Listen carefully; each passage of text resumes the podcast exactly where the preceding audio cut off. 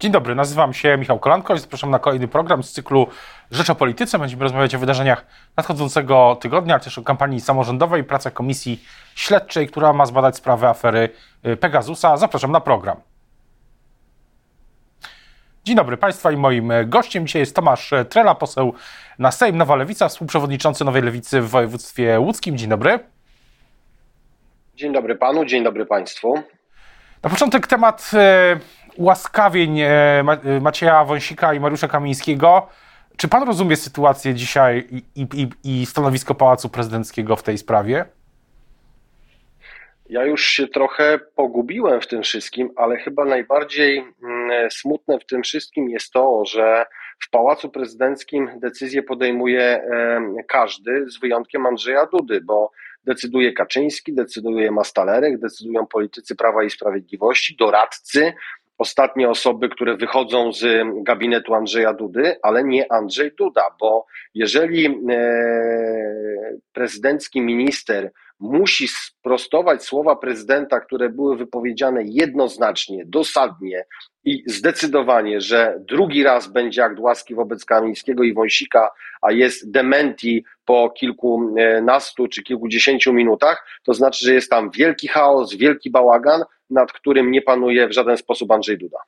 No to jest e, też pytanie w ogóle, co się powinno w tej sprawie e, zdarzyć? Czy to powinno być to ułaskawienie w, tej, w, tym, w pierwszej tej ścieżce, czy, czy prezydent powinien czekać na e, wypełnienie tej drugiej ścieżki? Co się powinno wydarzyć? Ja, ja rozumiem, że prezydent podjął decyzję i poszedł nie ścieżką wprost wynikającą z zapisów konstytucji, tylko z kodeksu e, postępowania karnego. Jeżeli prezydent chciałby się tego trzymać, to powinien czekać na odpowiednie decyzje, odpowiednie opinie i przedłożone dokumenty ze strony Ministerstwa Sprawiedliwości. Ale widzę, że nacisk na Andrzeja Dudy ze strony Jarosława Kaczyńskiego i środowiska Prawa i Sprawiedliwości jest tak ogromny i tak duży, że Andrzej Duda miota się i trochę jest jak taka wańka wstańka. Jak e, jest dobry dzień, to stoi, jak jest słaby dzień, to leży raz na prawym, raz na lewym boku. I to jest naprawdę smutne i przykre, że mamy e, prezydenta, który nie ma własnego zdania. A czy e, ta sprawa w ogóle ma, sprawa Kamińskiego i Wąsika ma długoterminowe konsekwencje Pana zdaniem dla, dla Sejmu, dla polskiej polityki w, w tym roku? Ja myślę, że nie, dlatego że jak ja rozmawiam z obywatelami, to słyszę jedno: państwo powinno być zdeterminowane, zdecydowane i silne, i państwo powinno traktować wszystkich równo. Skoro jest prawomocny wyrok sądu i dotyczy on byłych parlamentarzystów, i tam jest kara bezwzględnego pozbawienia wolności na dwa lata, to panowie powinni przebywać w zakładzie karnym. I są oczywiście odpowiednie procedury, żeby podjąć akt łaski, ale to wszystko powinno być w odpowiednim czasie. Ja myślę, że ludzie właśnie czekali na taką władzę, która wszystkich będzie traktowała, na, traktowała dokładnie e, tak samo i to jest właśnie władza koalicji 15 października. Jeżeli Prawo i Sprawiedliwość myślało, że zbije na tym kapitał polityczny, to mam wrażenie, że z każdym dniem Prawo i Sprawiedliwość będzie na tej sytuacji tylko tracić. No właśnie, w ubiegłym tygodniu była ta demonstracja, happening e, w, w Sejmie, ale za tym nie poszło nic, nic więcej.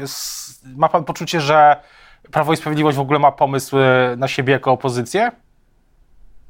Nie, nie mają pomysłu, dlatego że ja obserwuję w Sejmie polityków Prawa i Sprawiedliwości, tych, którzy w ostatnich ośmiu albo czterech lat pełnili bardzo wysokie funkcje publiczne, oni nie umieją się odnaleźć. To są trochę jak takie dzieci we mgle, którzy przychodzą na komisje sejmowe, chcieliby coś zrobić, ale nie wiedzą, jak to się robi. Trzeba złożyć wniosek, trzeba napisać ten wniosek, trzeba napisać tę poprawkę. Oni po prostu tego nie robili, bo za nich to robili najbliżsi współpracownicy, których oni teraz nie mają. A żeby przygotować całą strategię polityczną jako partia opozycyjna, to oprócz y, składania wniosków o wotum nieufności trzeba podejmować również inne y, interwencje, inne działania. Trzeba składać projekty ustaw i docierać z tymi projektami do wyborców. Prawo i Sprawiedliwość póki co nie jest zdolne do tego, żeby być taką pełnokrwistą, racjonalną y, opozycją. No ale chyba pana to nie martwi.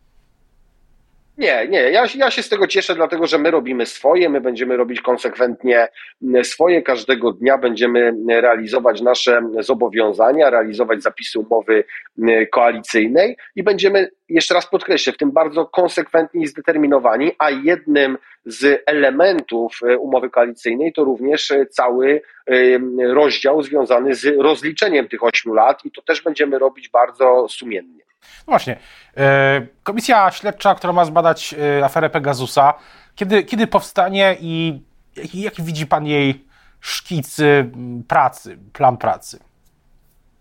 No, ja myślę, że ta komisja powinna, e, znaczy komisja powstała, a skład osobowy powinien zostać powołany na tym posiedzeniu Sejmu, dlatego że myśmy zakwestionowali, ja też e, byłem w tej grupie posłów, która zakwestionowała e, kandydatury zgłoszone przez Prawo i Sprawiedliwość, bo PiS sobie wpadło na pomysł, że zgłosi najbliższych współpracowników Zbigniewa Ziobry, którzy nie powinni pracować w komisji, tylko powinni być zawezwani przed komisję, żeby tłumaczyć się parlamentarzom parlamentarzystom z tego, co robili. Więc myśmy to oprotestowali, zakwestionowali i czekamy na nowe zgłoszenia polityków Prawa i Sprawiedliwości. Jeżeli te zgłoszenia będą do 24 stycznia, to nic nie będzie stało na przeszkodzie, żeby w tym tygodniu powołać skład osobowy i pewnie od przyszłego tygodnia po ukonstytuowaniu się tej komisji można mówić o jakimś ramowym planie pracy, świadkach, których będziemy chcieli wzywać i tak dalej, i tak dalej. Ale zostaniemy jeszcze przy tym składzie osobowym. Czy, czy wyobraża pan sobie komisję bez y, komisję śledczą właśnie w sprawie Pegasusa bez polityków PiS? Wyobrażam sobie, dlatego że Prawo i Sprawiedliwość to trochę jak takie e, małe dzieci w piaskownicy. Jak mówi się im, nie bierz tego szpadelka, bo to nie twój szpadelek, to oni się obrażają, wychodzą z piaskownicy i mówią, nie będziemy tutaj z wami nic robić. Tak jest w przypadku pani posłanki Witek i tak może być w przypadku czterech posłów Prawa i Sprawiedliwości oddelegowanych do tej komisji, a my nie pozwolimy na to, żeby konflikt interesów był tak rażący, dlatego że bylibyśmy nieuczciwi w stosunku stosunku do swoich wyborców. Prawo i Sprawiedliwość ma ponad 180 parlamentarzystów, posłów i może z tej grupy wybrać tych, którzy nie pracowali w Ministerstwie Sprawiedliwości, nie pracowali w rządzie Mateusza Morawieckiego, a też są posłami i mogą spokojnie pracować w tej komisji. Ale jeżeli nie będą chcieli pracować, to my będziemy pracować albo w sześcioosobowym składzie czy siedmioosobowym składzie, albo będziemy pracować w jedenastoosobowym składzie z uzupełnieniem o przedstawicieli innych klubów. Uważam, że że to jest sytuacja możliwa, chociaż wolałbym osobiście, żeby w tej komisji byli przedstawiciele PiSu również. No tak, bo jest taka teza y, publicystyczna bardziej, że, że komisja bez y, przedstawicieli PiSu no, miałaby trochę inną, y, inny wizerunek, inną wiarygodność w jakimś sensie. No może tak, e, może taka teza jest i ona pewnie nie jest pozbawiona stanu takiego faktycznego, bo oczywiście ta e, dramaturgia działania komisji z przedstawicielami Prawa i Sprawiedliwości, których tak naprawdę się rozlicza jest zdecydowanie bardziej emocjonująca dla widza i całej opinii publicznej. Natomiast no, nie możemy zgodzić się na to, żeby byli sędziowie we własnej sprawie. Nie ma na to zgody i na to nie będzie zgody. Jeżeli Prawo i Sprawiedliwość potraktuje tę komisję tak serio, jak potraktowało komisję do spraw wyborów kopertowych i afery wizowej i zgłosi tam takie kandydatury, które nie budzą wątpliwości, to będą w tej komisji pracować. A jeżeli się okaże, to jeszcze raz podkreślę, że ich nie będzie, to myślę, że grupa świadków, która będzie wzywana na posiedzenie tej komisji, będzie na tyle interesująca, że ludzie będą e, śledzić, co e, robimy i co będziemy robić w tej sprawie, dlatego że to był wielki, wielki skandal i nadużycie i przekroczenie uprawnień. No, jest pytanie o, e, ogólnie takie ogólne pytanie o to, jak długo ta komisja będzie, też przypomnę naszym słuchaczom, widzą, że pan, pan też w niej, pan w niej będzie, tak, żeby było jasne też w jakim kontekście rozmawiamy, że jest pytanie o taki ogólny mm, plan pracy i bardziej czas pracy? Czy to jest kwestia mm, tego roku, tej kadencji, tego półrocza, kiedy komisja mogłaby zakończyć pracę, przedstawić raport? Czy ja myślę, że w ogóle nie możemy mówić o zakończeniu prac w tym półroczu, dlatego że materia jest bardzo złożona. Na pewno trzeba zbadać trzy elementy. Pierwszy element to jest taki, kto zdecydował i dlaczego zdecydował, żeby z Funduszu Sprawiedliwości zakupić to oprogramowanie Pegasus. Po drugie, trzeba zbadać, kto podejmował decyzję o słuchaniu tego czy innego polityka, tego czy innego obywatela. I po trzecie, trzeba sprawdzić i dotrzeć, ile tych osób było tak naprawdę słuchanych i kto miał wgląd w te materiały, bo to, że kiedyś telewizja rządowa cytowała niemalże telefony polityków, to my wiemy z doniesień prasowych, ale my musimy poznać materiał dowodowy i my musimy zapoznać się ze zeznaniami świadków, więc jakby pan mnie pytał, to bardziej bym oceniał, że to jest końcówka tego roku, a nawet pokusiłbym się, czy to będzie komisja, która z tych trzech będzie najdłużej pracowała, bo zakres tematów jest bardzo duży, e, ilość świadków do przesłuchania zarówno w trybie jawnym, jak i niejawnym też jest zdecydowanie największa. I to jest też e, in, inne pytanie. E, pierwsza, pierwsza rzecz, Jarosław, Jarosław Kaczyński będzie wezwany przed komisję? Ja myślę, że Jarosław Kaczyński, myślę, że Mateusz Morawiecki, myślę, że Beata Szydło, myślę, że Zbigniew Ziobro, myślę, że Mariusz Kamiński, myślę, że Maciej Wąsik i paru, paru jeszcze innych polityków, dlatego że są ludzie, którzy podejmowali najważniejsze decyzje w naszym kraju. Przecież za czasów pani Beaty Szydło, zdaje się, były już pewne przymiarki do zakupu tego oprogramowania Pegasus. Później realizował to Zbigniew Ziobro z całą grupą wiceministrów, którzy chcieli pracować w tej E, komisji, a przecież nie jest tajemnicą, że w przeszłości pan e, Maciej Wąsik, kiedyś poseł, dzisiaj przestępca Maciej Wąsik, e, bardzo lubił słuchać i zapoznawać się z tym, co dzieje się w życiu prywatnym, zawodowym tego czy innego podsłuchiwanego, więc chcielibyśmy naprawdę ich wszystkich popytać, zapytać, przepytać, co oni mają do powiedzenia na tę okoliczność. A jeżeli chodzi o Jarosława Kaczyńskiego, to wie pan, intuicja mi podpowiada, że gro decyzji, kluczowych decyzji dla naszego państwa zostawało, e, znaczy było podejmowanych albo przy ulicy Nowogrodzkiej, albo na warszawskim Żoliborzu i to też musimy sprawdzić. A czy będzie też sprawdzony taki wątek, który się pojawiał e, w, w latach ubiegłych? Pisaliśmy o tym też e, wielokrotnie na łamach Rzeczpospolitej. Jaki wpływ miała sprawa Pegasusa, czy informacje z Pegasusa na samą, samą kampanię wyborczą. To też, e, to też e, będziecie Państwo sprawdzać?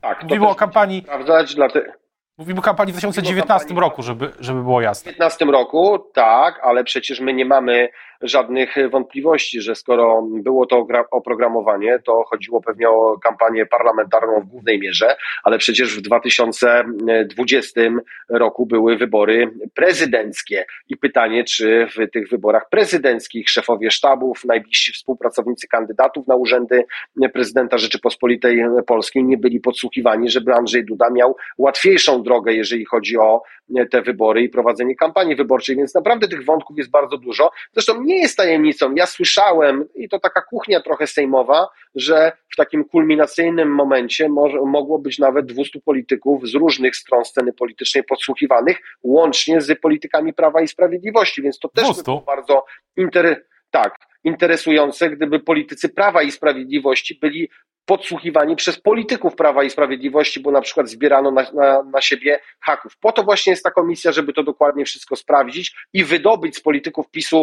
wszystkie informacje na ten temat. A w, y, jeśli chodzi o podsłuchiwanych, no to jak rozumiem też y, przesłuchany będzie, czy w charakterze świadka oczywiście, y, jak, jak wszyscy y, teraz europoseł Krzysztof Brejza. No, myślę, że myślę, że Krzysztof Brejza tak, dlatego że Krzysztof Brejza E, był podsłuchiwany. On zeznawał zarówno w Parlamencie Europejskim, jak i przed e, Senacką Komisją. Ma na pewno bardzo dużo rzeczy do powiedzenia i myślę, że też e, inni podsłuchiwani, nie wykluczałbym też innych osób. Nie chcę mówić tutaj konkretnie o nazwiskach, bo to będziemy pewnie ustalać, ale to naprawdę będzie komisja, która zakres swojej pracy będzie miała dość szeroki, bo sprawa jest wielowątkowa i osób zamieszanych w tą sprawę jest naprawdę bardzo, bardzo dużo. Też myślę, że, y, że tak systemowo to jest kwestia też nadzoru nad służbami. Jako, jako temat, y, który się wyłania z kwestii y, Pegasusa, to też pewnie jak rozumiem, taki, taki systemowy obraz tej, tej sytuacji, tego procesu będziecie chcieli Państwo zbudować w tym w raporcie. Y, tak, y, tym bardziej, że myślę, że to jest bardzo interesujące dla obywateli, bo jeżeli potwierdzą się y, te wszystkie doniesienia medialne, te spekulacje, że wgląd w telefon tego czy innego obywatela naszego kraju miała tylko wąska grupa decydentów z Ministerstwa Spraw Wewnętrznych i Administracji bądź ludzi wskazanych przez Jarosława Kaczyńskiego, to to będzie przerażające, że na biurkach e, kilku osób lądowały archiwa zdjęciowe, SMS-owe, wiadomości na WhatsAppie czy innym komunikatorze, bo to tak naprawdę pokazuje e, e, tę zgniliznę Prawa i Sprawiedliwości, że to partia, która chciałaby o drugim obywatelu wiedzieć wszystko, a ja już nie mówię o tych obywatelach, których mm, podsłuchiwano w tym konkretnym politycznym celu. Ale proszę mm, sobie pomyśleć, czy wyobrazić, jeżeli my dojdziemy do mm, takich ustaleń, że był podsłuchiwany, czy przeglądane były e, telefony takiego przeciętnego Kowalskiego, który pracuje każdego dnia i płaci podatki i on e, byłby, e, jego telefony były przeglądane, jak on rozmawiał ze swoją córką, ze swoim synem, ze swoją żoną, no to przecież do czego to doszło, że państwo tak naprawdę było auto, e, auto, e, taką dyktaturą jednego człowieka. Tym człowiekiem był Jarosław Kaczyński, oni wszystko pod jego dyktando robili. Po to właśnie jest ta komisja, żeby uzmysłowić obywatelom, jaka władza rządziła w naszym kraju przez 8 lat. Pytanie na koniec o wybory samorządowe, też o bardzo ważną kampanię wyborczą, która się już w zasadzie zaczyna, czy prekampanię wyborczą, która się zaczyna. Wyobraża pan, wyobraża pan sobie sojusz lewicy, nowej lewicy i mm, i Koalicji Obywatelskiej do, do sejmików w całym kraju jako jeden blok wyborczy? Wyobrażam sobie, tym bardziej, że myśmy w e, czwartek wieczorem podjęli taką decyzję na zarządzie krajowym Nowej Lewicy, upoważniając Włodzimierza Czarzastego i Roberta Biedronia do rozmów z panem premierem Donaldem Tuskiem na temat kształtu takiej koalicji w wyborach e, samorządowych. Myślę, że to by było bardzo dobre rozwiązanie, kiedy mielibyśmy dwa e, bloki wyborcze, jeden blok centrowo-lewicowy i drugi blok trzeciej drogi. Moglibyśmy z takich dwóch stron zaatakować i wygrać wybory e, samorządowe, a o to chodzi, żeby do większości parlamentarnej, do rządu demokratycznego wyłonionego w wyborach 15 października doszły również samorządy, zarówno na poziomie wojewódzkim, ale też powiatowym, więc ja sobie to wyobrażam. Pan zna zresztą moje podejście do wyborów samorządowych. Ja jestem dość entuzjastycznie nastawiony do szerokiej współpracy, tym bardziej, że w tym roku mija 10 lat, odkąd kiedyś Sojusz Lewicy Demokratycznej Dzisiaj Nowa Lewica współrządzi w moim mieście, w mieście Łodzi z Koalicją Obywatelską. To są naprawdę dobre lata dobre, dobrej współpracy. Jeden wątek, jeden wątek tutaj, albo dwa. Jeden dotyczy kolegów i koleżanek z partii, y, kolegów i koleżanek z partii Razem. Czy, czy nie obawia się pan, że oni mogliby no nie wejść do takiego sojuszu po prostu? Ja myślę, że gdyby partia razem nie weszła do takiego sojuszu, to największą krzywdę zrobiłaby e, swoim e, koleżankom i kolegom, członkom partii razem, wyborcom partii razem, sympatykom partii razem, dlatego że wiemy, że wybory to gra zespołowa, duży może więcej, więc myślę, że o tym też będziemy rozmawiać. Natomiast dzisiaj trzeba pokazać, że 15 października to był dopiero początek, przed nami jest siódmy dzień kwietnia, później wybory europejskie i trzeba być na to e, przygotowanym, dlatego że przez samorządy idą gigantyczne pieniądze z Unii Europejskiej. Dobra współpraca samorządu i rządu to tak naprawdę dobry rozwój naszego kraju, więc myślę, że finalnie partia razem będzie też brała to pod uwagę. No jeszcze na koniec o pytanie o Łódź i kandydatów, e, kandydatki. Spodziewa się pan, że prezydent Danowska wystartuje e, ponownie, a może ktoś inny będzie kandydował? Muszę panu powiedzieć, że jeżeli chodzi o kandydatki, kandydatów, to na razie jest w Łodzi cisza. Myślę, że pani prezydent bardzo poważnie o tym e, myśli i bardzo poważnie rozważa swój start, ale go jeszcze nie mm, e, ogłosiła. Ja osobiście, jeżeli będę rozmawiał z panią prezydent, będę ją namawiał do tego startu, bo myślę, że rozwój Łodzi e, jest wtedy niezagrożony. Myślę, że pani prezydent jest w stanie zbudować duży sojusz wokół swojego nazwiska, tak jak to zrobiliśmy w 2018 roku i to jest po prostu dobra taka stabilizacja, kontynuacja kontynuacja tego współrządzenia lewicy i koalicji na kolejne e, pięć lat, ale jak wiemy, wybory mają to do siebie, że mnogość kandydatów czasami jest nieprzewidywalna, więc zobaczymy, jak to będzie w najbliższych dniach i tygodniach. Będziemy to uważnie śledzić. Dziś, dziś w Rzeczpospolitej sondaż z innego miasta, gdzie zapowiada się bardzo ciekawa rywalizacja z, z Krakowa, gdzie faworytem w tej chwili jest Łukasz Gibała, tam e, polityk niezależny. E, dziękuję teraz za, e, za rozmowę Państwa i moim gościem dzisiaj był Tomasz Trela, poseł na Sejm, Nowa Lewica, współprzewodniczący Nowej Lewicy w Dziękuję, miłego dnia życzę. Dziękuję bardzo, do zobaczenia. Miłego dnia, dziękuję bardzo.